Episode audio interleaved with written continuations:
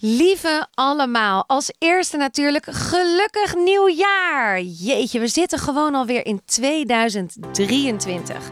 Maar laat ik maar meteen met de deur in huis vallen, want deze aflevering is een samenwerking met voor mij een van de beste ontdekkingen van 2022. Het fijnste en beste menstruatieondergoed dat er is, namelijk Snacks. Ik gebruik Snacks nu zelf zo'n zes maanden en het is echt waar. Ongesteld zijn is vanaf nu een feestje. Ja, en nu hoor ik je denken, hoe dan? Natuurlijk heb ik ook pijn in mijn buik. Ik voel me ellendig in deze dagen. Eet veel te veel chocola, schommel in mijn hormonen en kan al janken bij Sesamstraat. Maar toch voel ik me door Snacks een stuk relaxter. Want het menstruatieondergoed zit super lekker en is heel erg zacht. Ik lek niet door, ook niet op de eerste dagen van mijn menstruatie. Je ruikt niks. En lieve vrouwen, laten we allemaal menstruatie en je eigen bloed echt iets meer normaliseren. Want jouw eigen bloed is namelijk niet vies. Dus je hoort het goed. Ik ben fan van Snacks. Nooit meer vieze tampons of maandverband. Voor mij is het Snacks for life. En wil jij Snacks nou ook proberen? Dat kan, want ik heb een hele fijne korting. Met de kortingscode HBIW15 krijg je 15% korting op je bestelling. De link staat natuurlijk ook in de show notes.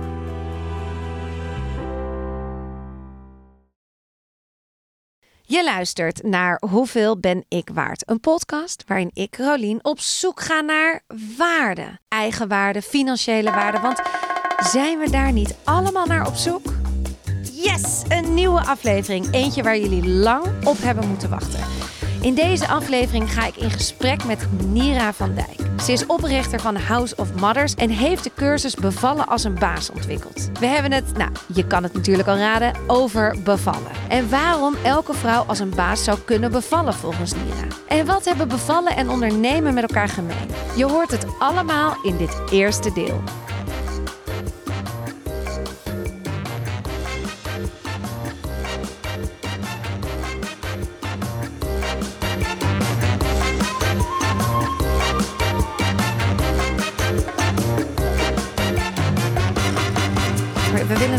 Steeds ooit weer een soort van niet beginnen met adem in hem uit, maar af en toe een special doen. Gewoon ja, ja, af en toe een soort van keer. kleine reunie of zo soms. Ja, één keer in Dat de zoveel tijd. Ja. Het was wel een hele leuke podcast. Vond je dat een leuke vond dat podcast? een hele leuke podcast. Wat was daar zo leuk Nou, aan? misschien omdat het, als ik het me goed herinner, of ik heb iets gemist, was het in die tijd ook wel een beetje de enige podcast van dat soort. We hadden dat in Nederland nog niet echt, de fijne geboorteverhalen in podcastvorm. Nee, Dus dat was heel leuk. ja. Ja, ik, ik geloof dat wij wel de eerste, want daarna kwam Potnataal pas. En daarna kwam ook Nina vond ik ook heel anders. Ja, was ook wel weer anders. Ja. Ja. En Nina Pearson die doet niet echt bevallingsverhalen. Althans, dat is niet de focus van haar podcast. Nee. dus Nee, jullie dus waren het was... wel echt een beetje alleenig op een Ja. positieve manier. Ja. ja, ik vond het was te gek om te doen. Het was gewoon heel leuk dat je gewoon dat we onszelf in een positie hadden geplaatst waarin we alles konden vragen van hoe heb je je benen omhoog gedaan, hoe was de seks, Maar Gewoon dat echt gebeurde alles. toen niet, hè? Nee. Er is heel veel gebeurd in wat, drie jaar, vier Ja. jaar tijd, zeg maar, in, in die wereld. Ja. Ja, want in die tijd moest ik echt nog tegen mensen zeggen: ja, het is een audiobestand en dat kan je dan vinden. Ja, Want als je is een, een podcast? Ja, ja, het was echt heel anders inderdaad. Ja, corona heeft eh, ja echt eh sky wereld gemaakt. veranderd. Ja, absoluut. hey, maar we gaan beginnen. Ja. Echt beginnen. Ja, echt beginnen. Ehm, want eh, ik stel altijd de vraag. Die stel ik ook aan jou. Heb je erover nagedacht? een beetje. Oké, komt-ie. Wanneer wist je voor het eerst wat je waard bent? Ik weet het nog steeds niet. Nee, nee, nee. Ik, ik heb er echt over na zitten denken onderweg hier naartoe. Want ik heb ook een podcast zitten luisteren onderweg hier naartoe.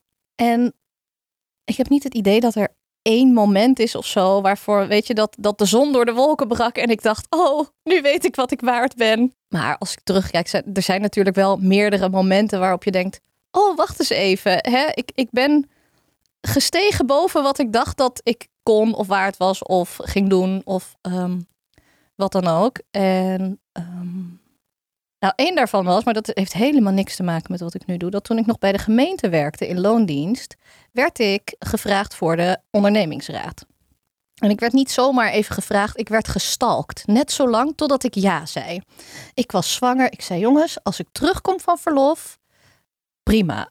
Al is het maar om van jullie af te zijn, zeg maar, van het gezeur. Nou, zo gezegd, zo gedaan. Ik kwam terug van verlof. Voorzitter, stop ermee.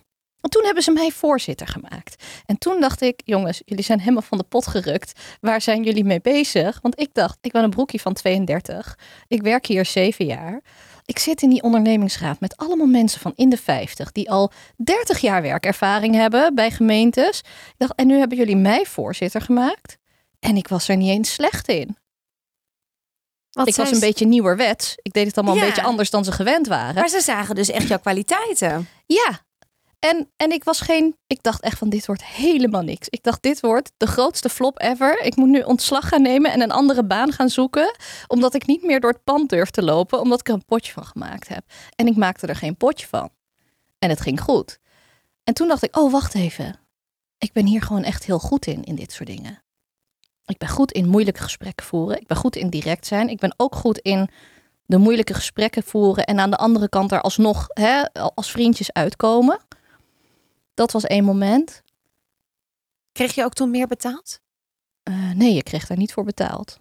Maar dat maakt niet uit. Nee, het was heel waardevol. Nee, je kreeg, je kreeg wel goed. tijd, zeg maar. Dus Ja. je hoeft het niet in je eigen tijd te doen. Dus ik kreeg eh, acht uur per week kreeg ik daar de tijd voor. Maar je kreeg er niet voor betaald.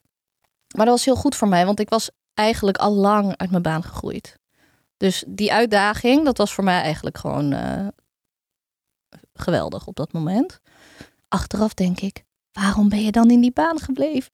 Ja, je baan opzeggen is natuurlijk ook wel een moment dat je denkt. En ik zei niet mijn baan op van, oh help, nu gaan we het wel zien wat er gebeurt. Ik zei mijn baan op wetende dat ik voldoende inkomen genereerde om gewoon op dezelfde voet verder te kunnen leven met mijn gezin. Dat was natuurlijk ook wel een moment dat je denkt van, Ja. oh, dit is wel vet. Ik heb dit gewoon gedaan. En vooral dat je het helemaal zelf gedaan hebt. Gewoon letterlijk alles. Dat is het leuke aan ondernemer. Alles wat je de wereld ingooit, heb je helemaal zelf eh, voor elkaar gekregen. Want dit is nog niet zo lang geleden. Nee, dit is. ehm, even kijken. Vorig jaar. December 2021 ging ik minder werken. Toen heb ik twee dagen ouderschapsverlof per week opgenomen, onbetaald. Om gewoon in mijn bedrijf te gaan werken. En het idee was dat dat tot juni zou zijn, 2022. Maar ik heb in maart mijn ontslag al ingediend.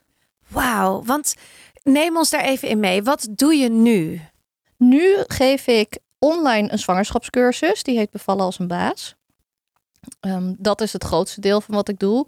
En daarnaast doe ik eh, natuurlijk op Instagram een heleboel. Gewoon informatie delen, kennis delen. En ik zit in het bestuur van de geboortebeweging. Dat is een stichting die zich inzet voor de rechten van zwangere en kraamvrouwen. Eh, ja, en ik heb natuurlijk mijn eigen gezinnetje nog. Hoe ben je bij dat bevallen gekomen? Waar, want je bent, ik vind jou wel een beetje een bevallingsactivist. Ja, Mag ik dat zo zeggen? ja dat mag je zeggen. Je bent wel, je strijdt wel. Wa- Waar strijd je eigenlijk voor? Wat vind je heel erg belangrijk aan het bevallen en waarom daar meer aandacht naartoe moet? Nou, weet je, het is zo'n, voor mijn gevoel is het echt een weggeschoven kindje.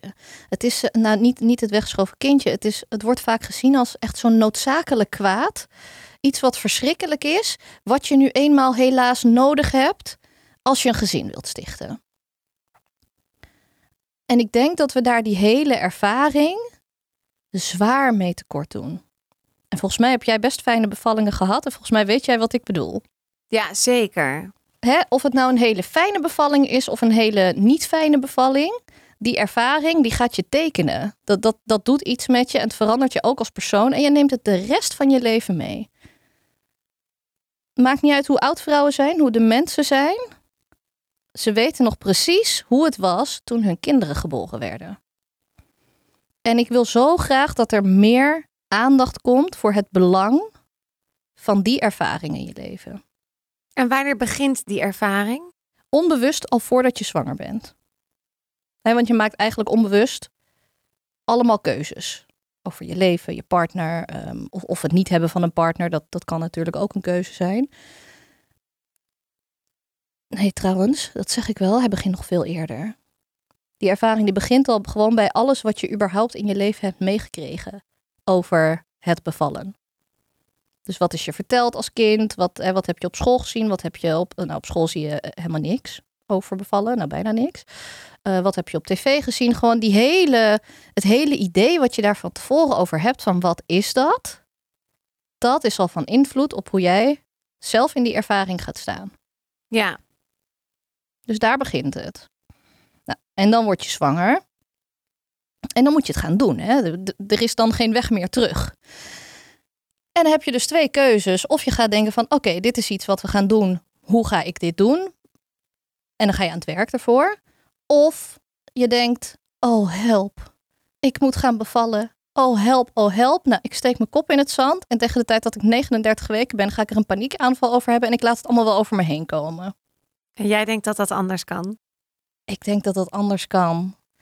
Ik denk dat we heel erg zijn beland in een Ehm, in een idee van. Het is een beetje gepolariseerd geraakt. Je hebt aan de ene kant heb je.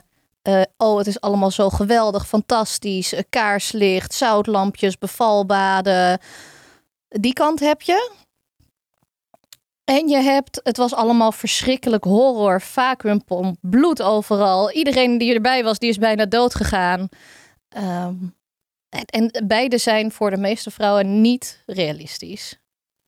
Er zit heel veel tussenin. En nog belangrijker, dat het wat er gebeurt, is meestal niet de bepalende factor voor hoe je het ervaren hebt. Dus er kunnen heel goed vrouwen zijn die 30 uur bevallen zijn, vacuümpomp erbij, eindigen met een keizersnede. Um, en die vonden het fantastisch. En er zijn ook vrouwen die zijn in drie uurtjes thuis bevallen met hun eigen verloskundige en die vonden het verschrikkelijk. Dus we mogen af van dat beeld van het is of horror of het is allemaal peace on earth.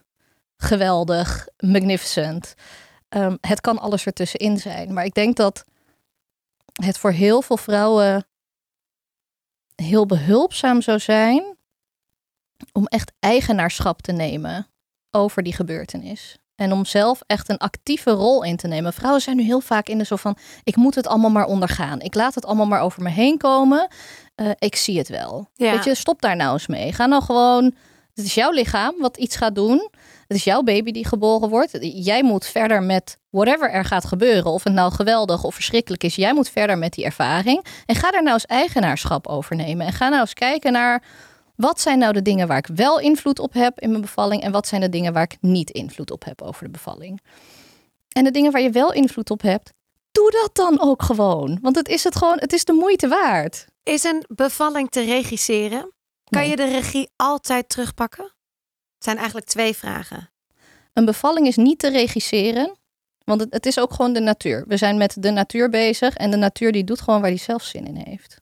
Je kunt wel bijna altijd de regie houden. Afhankelijk van wat je idee van regie is.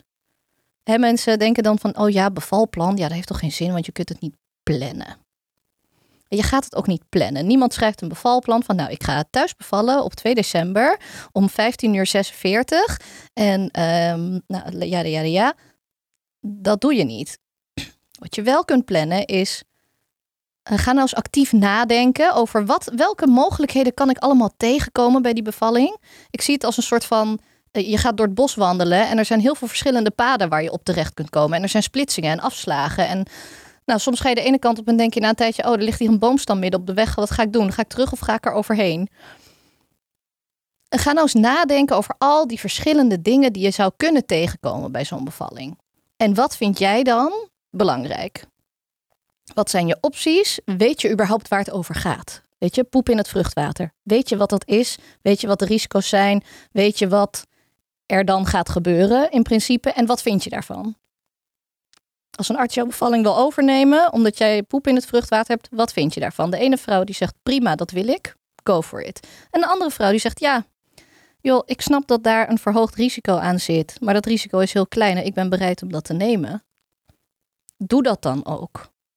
Maar wel dus heel bewust nadenken over wat ben ik aan het doen. Een verhoogd risico is nog steeds een risico. Daar moet je dan ook eigenaarschap over nemen. Je moet dan ook bereid zijn om te zeggen van nou, hè, ik heb een 0,3, ik zeg maar wat hoor, dat heeft niks, ik heb dit nu niet uit mijn hoofd opgezocht. Ik heb een 0,3% kans op een slechte afloop. Dat percentage moet je dan ook eigenaarschap over gaan nemen. En als je dat niet wilt, moet je het niet doen. Dan moet je zeggen, oké, ik wil die medische interventie, ik wil die kans verkleinen. Dat het 0,3% is. Maar precies dat stukje van die vrouwen die daar heel bewust over na hebben gedacht en echt zelf een keuze hebben gemaakt in wat wil ik op dat moment, dat maakt dat ze de regie voelen. Want ze voelen zich niet meegesleurd in een, in een soort van, hè, je hebt die vrouw, die had een bevalplan en die had een heel idee van ik ga thuis bevallen en ik ga het zo, ik wil geen pijnstilling en ehm, nou, geen medische handelingen. En dan gaat er één klein dingetje mis in die bevalling. En dan worden ze overgedragen naar het ziekenhuis. En, en dat voelt dan als. En toen ging mijn geboorteplan de prullenbak in. Terwijl ook in dat hele proces heb je gewoon nog steeds de regie. Dus je gaat bewust nadenken over. één, wil ik naar dat ziekenhuis? Ja of nee? Twee, als ik in dat ziekenhuis ben, wat wil ik dan? Ja of nee? En je mag dus altijd op de rem trappen als zwangere. En dat is voor mij nog gewoon het, het allerbelangrijkste. Is dat vrouwen zich gaan realiseren dat je meer bent dan een soort van omhulsel van een baby. Een soort van broedmachine. En dat jij eigenlijk helemaal niks meer te willen hebt. Andere mensen hebben jou overgenomen. Ja. Dat is gewoon niet zo. Je hebt gewoon van alles te willen. Het blijft jouw lichaam. Het is jouw baby. Het is jouw bevalling. Dus je mag altijd op de rem trappen en zeggen: hé, hey, uh, dit spoort voor mij niet ik wil dit anders of ik wil dit niet. Ja. Zeker. Goed, ik ben nu helemaal aan het ratelen. Nee, ik, I love it. Ik hang aan je. Ik, kijk, ik geloof heel erg dat dit, eh, dat dit gewoon heel erg belangrijk is. Ik zat een beetje, terwijl je dit allemaal aan het vertellen was, eigenlijk te denken wat Kiki mee ook al had gezegd. Kijk, Kiki mee? Ik heb je aflevering oh, je geluisterd. Ik kende haar ook daarvoor ook al. Je maar, kende haar, ja. ja. Nou, ik, ik, zij zei een beetje van, ja, ik vind het ouderschap een beetje hetzelfde als het ondernemen. Mhm. Ik herken daar veel in. En nu, en ik dacht toen een beetje, hmm, hmm.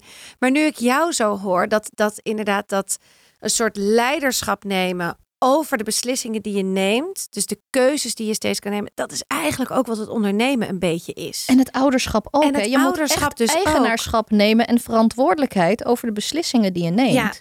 En er ook heel bewust rationeel soms ook echt over nadenken van wat ben ik nou, wat ben ik nou precies aan het doen. Het wordt over ouderschap of over bevallen, het beval uh, de, de maanden waarin je zwanger bent en waarin je gaat bevallen, worden al jaren gewoon voor lief genomen. Het is wat, precies wat je zegt. Het is gewoon iets wat je moet doen. Wil je dat gezin, wil je dat kind? Dan, dan, en het zijn al duizend miljoenen vrouwen voor jou geweest. Dus ga het maar gewoon doen, want we weten nou wel eenmaal hoe het moet. Ja. Maar jij komt nu heel erg in beweging om dat dus echt, echt aan die vrouw te zeggen. Ja, dit is ook hoe je een gezin krijgt. Maar er zijn inderdaad heel veel wegen naar Rome.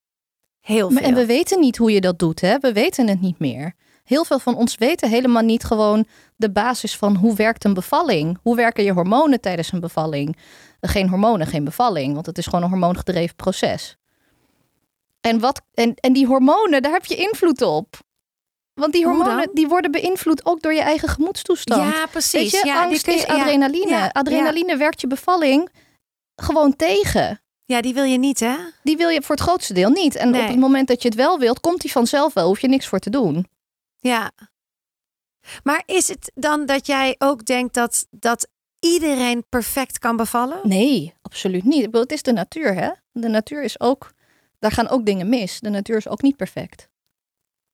Nee. En het dus is ook... Um, Stel je hebt een, een complicatie waarvan we zeggen er is 5% kans dat je baby overlijdt als je niet een keizersnede neemt. Ik noem maar wat. Uh, kan iedereen perfect bevallen? Nee, want als we niks doen, dan gaat 5% van die baby's gaat dus dood. 95% niet. En de vraag is dan, ben jij bereid om die 5% risico te nemen? De meeste vrouwen zijn niet bereid om dat risico te nemen en dat is prima.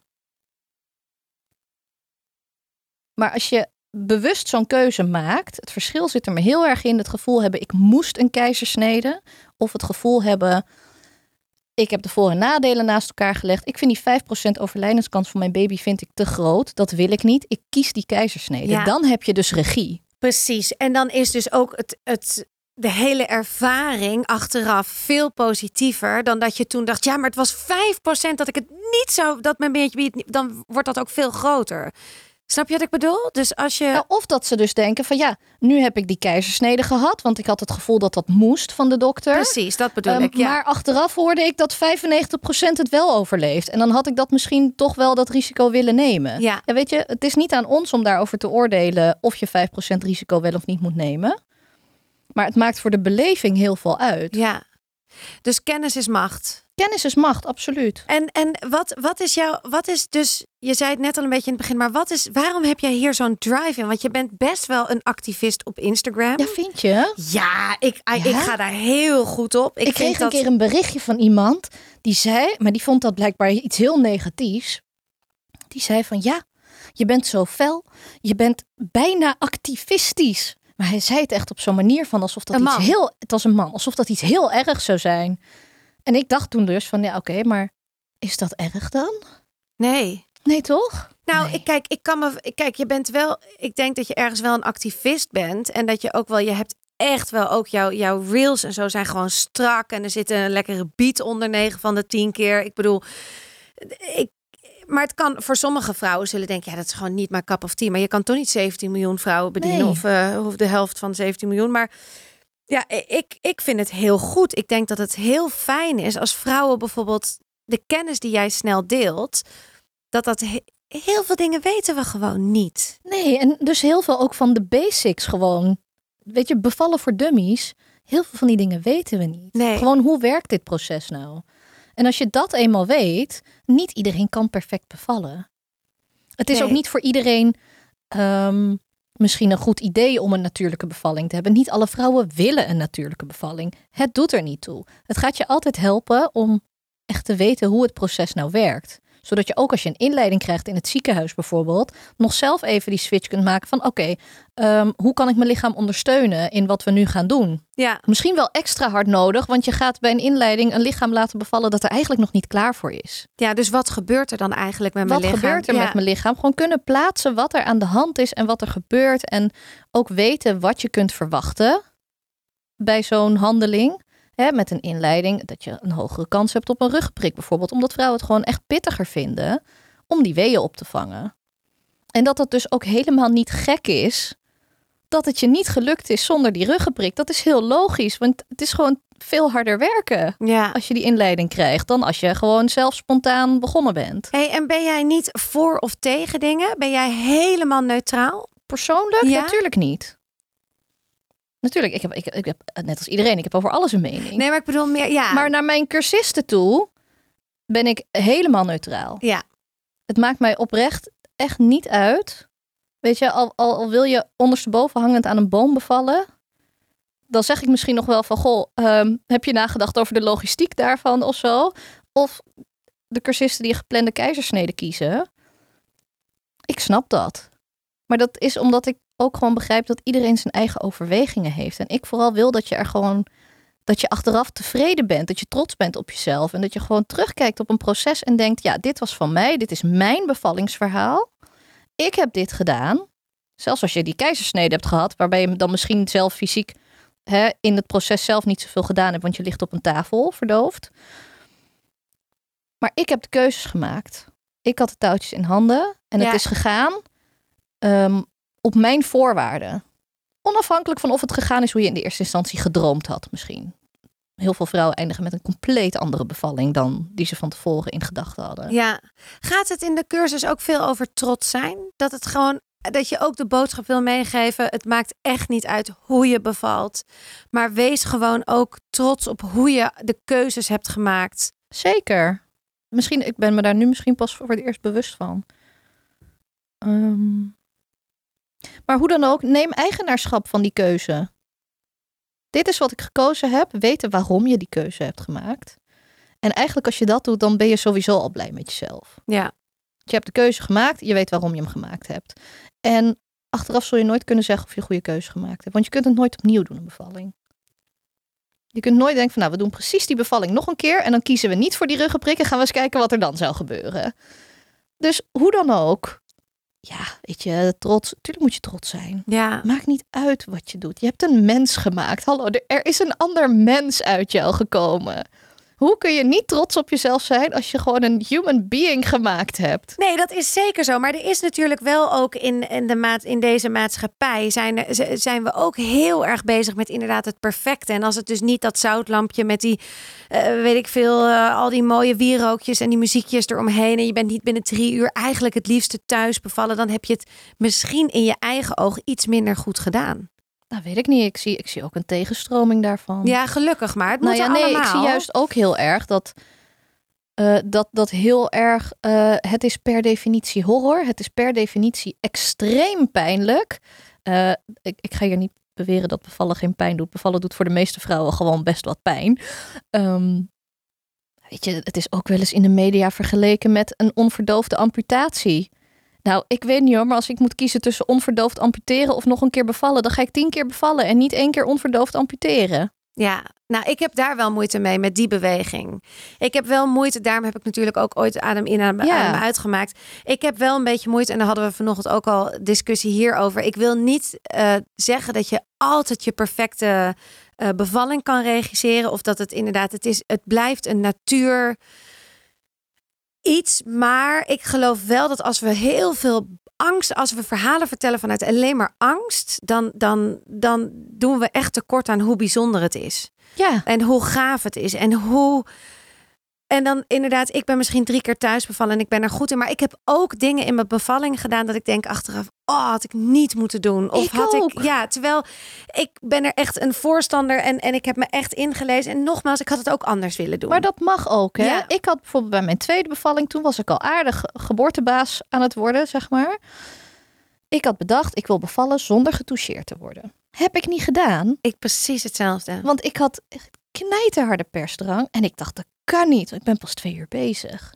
Dus ik heb toch gevraagd of zij wilde toucheren. Nu kan ik daar achteraf van denken van, ah, wat jammer eigenlijk. Dat wilde ik eigenlijk van tevoren niet, is toch gebeurd. Maar waarom? Op dat moment wilde ik dat en ik heb daar zelf om gevraagd en dat is gebeurd. Prima. Ja, dat is ook zo. Oh ja, bij mij is het iets anders. Bij mij was de derde. Eh, die ik, ik, geloof dat ik om 12 uur, 1 uur voelde dat, het, dat er iets ging gebeuren. Om kwart voor twee kwam ze binnen, de, in opleiding en de verloskundige. En toen zei ze, oh, je hebt al 4 centimeter, mag ik je toucheren? En toen zei ik, ja, ja, is goed. En half drie eh, eh, schoot het eruit. En, en, en, maar met geweld. En dat ging natuurlijk, mijn hele lichaam was nog totaal niet klaar om te Mhm. gaan baren. Weet je wel, ik, de, en ik heb zo'n spijt dat ik niet heb gezegd: sorry, ik beval zo snel. Mogen we alsjeblieft dit gewoon door de natuur laten doen? Ja. Ik heb me echt een beetje laten zo in mijn stoerheid, weet je, zo ook een beetje, ik weet niet, gewoon. Ja, tuurlijk, doe maar. Zo. Nou, daar heb ik zo'n spijt. Ik heb daar echt een beetje spijt van. Ja, Ja? ik vind dat. Maar Nou- vind je dat heel erg dan achteraf? Ja, want ik denk dat ik wel trotser was geweest. En ik vind het ook namelijk. Ik vind bevallen ook enorm pijnlijk. Mhm. Want dat is het wat je Mhm. zegt, dat is het ook. Het is een pijn die een scherper of ander soort pijn dan dat je je Mhm. kiespijn hebt. Ik vind kiespijn erger. Ik, ik, laat, ik laat me verdoven bij de tandarts. ook. Maar Maar alle- bevallen zou ik elke dag doen zonder Ik verdoving. Daarom. Dus het, tuurlijk, het doet pijn, maar het is een bepaalde pijn die wij kennelijk heel goed ook aan Maar je maakt ook pijnstillers ervoor aan. Hè? En als je naar de tandarts gaat, maak je die natuurlijke, die endorfines Nee. maak je niet aan. Nee, je maakt die angst aan. Want je ja, bent als want de je denkt, oh shit. Ja, precies. Dus je, de tandarts, die Ik- gaat iets in mijn mond doen. Nou, daarom. Dus ik denk ook dat dat bevallen, ja, het is echt een ander soort pijn. Maar ik, ik, ja, ik heb daar wel spijt van. Ik heb, ben, ik heb echt achteraf spijt dat ik niet regie in eigen hand heb gehouden. Dat ik niet heb maar je gedacht... hebt dat toen toch gedaan met de kennis die je toen had? Jawel, maar dat was toch dus nog voor adem in, adem uit, Ja. voordat deze hele stroming er was.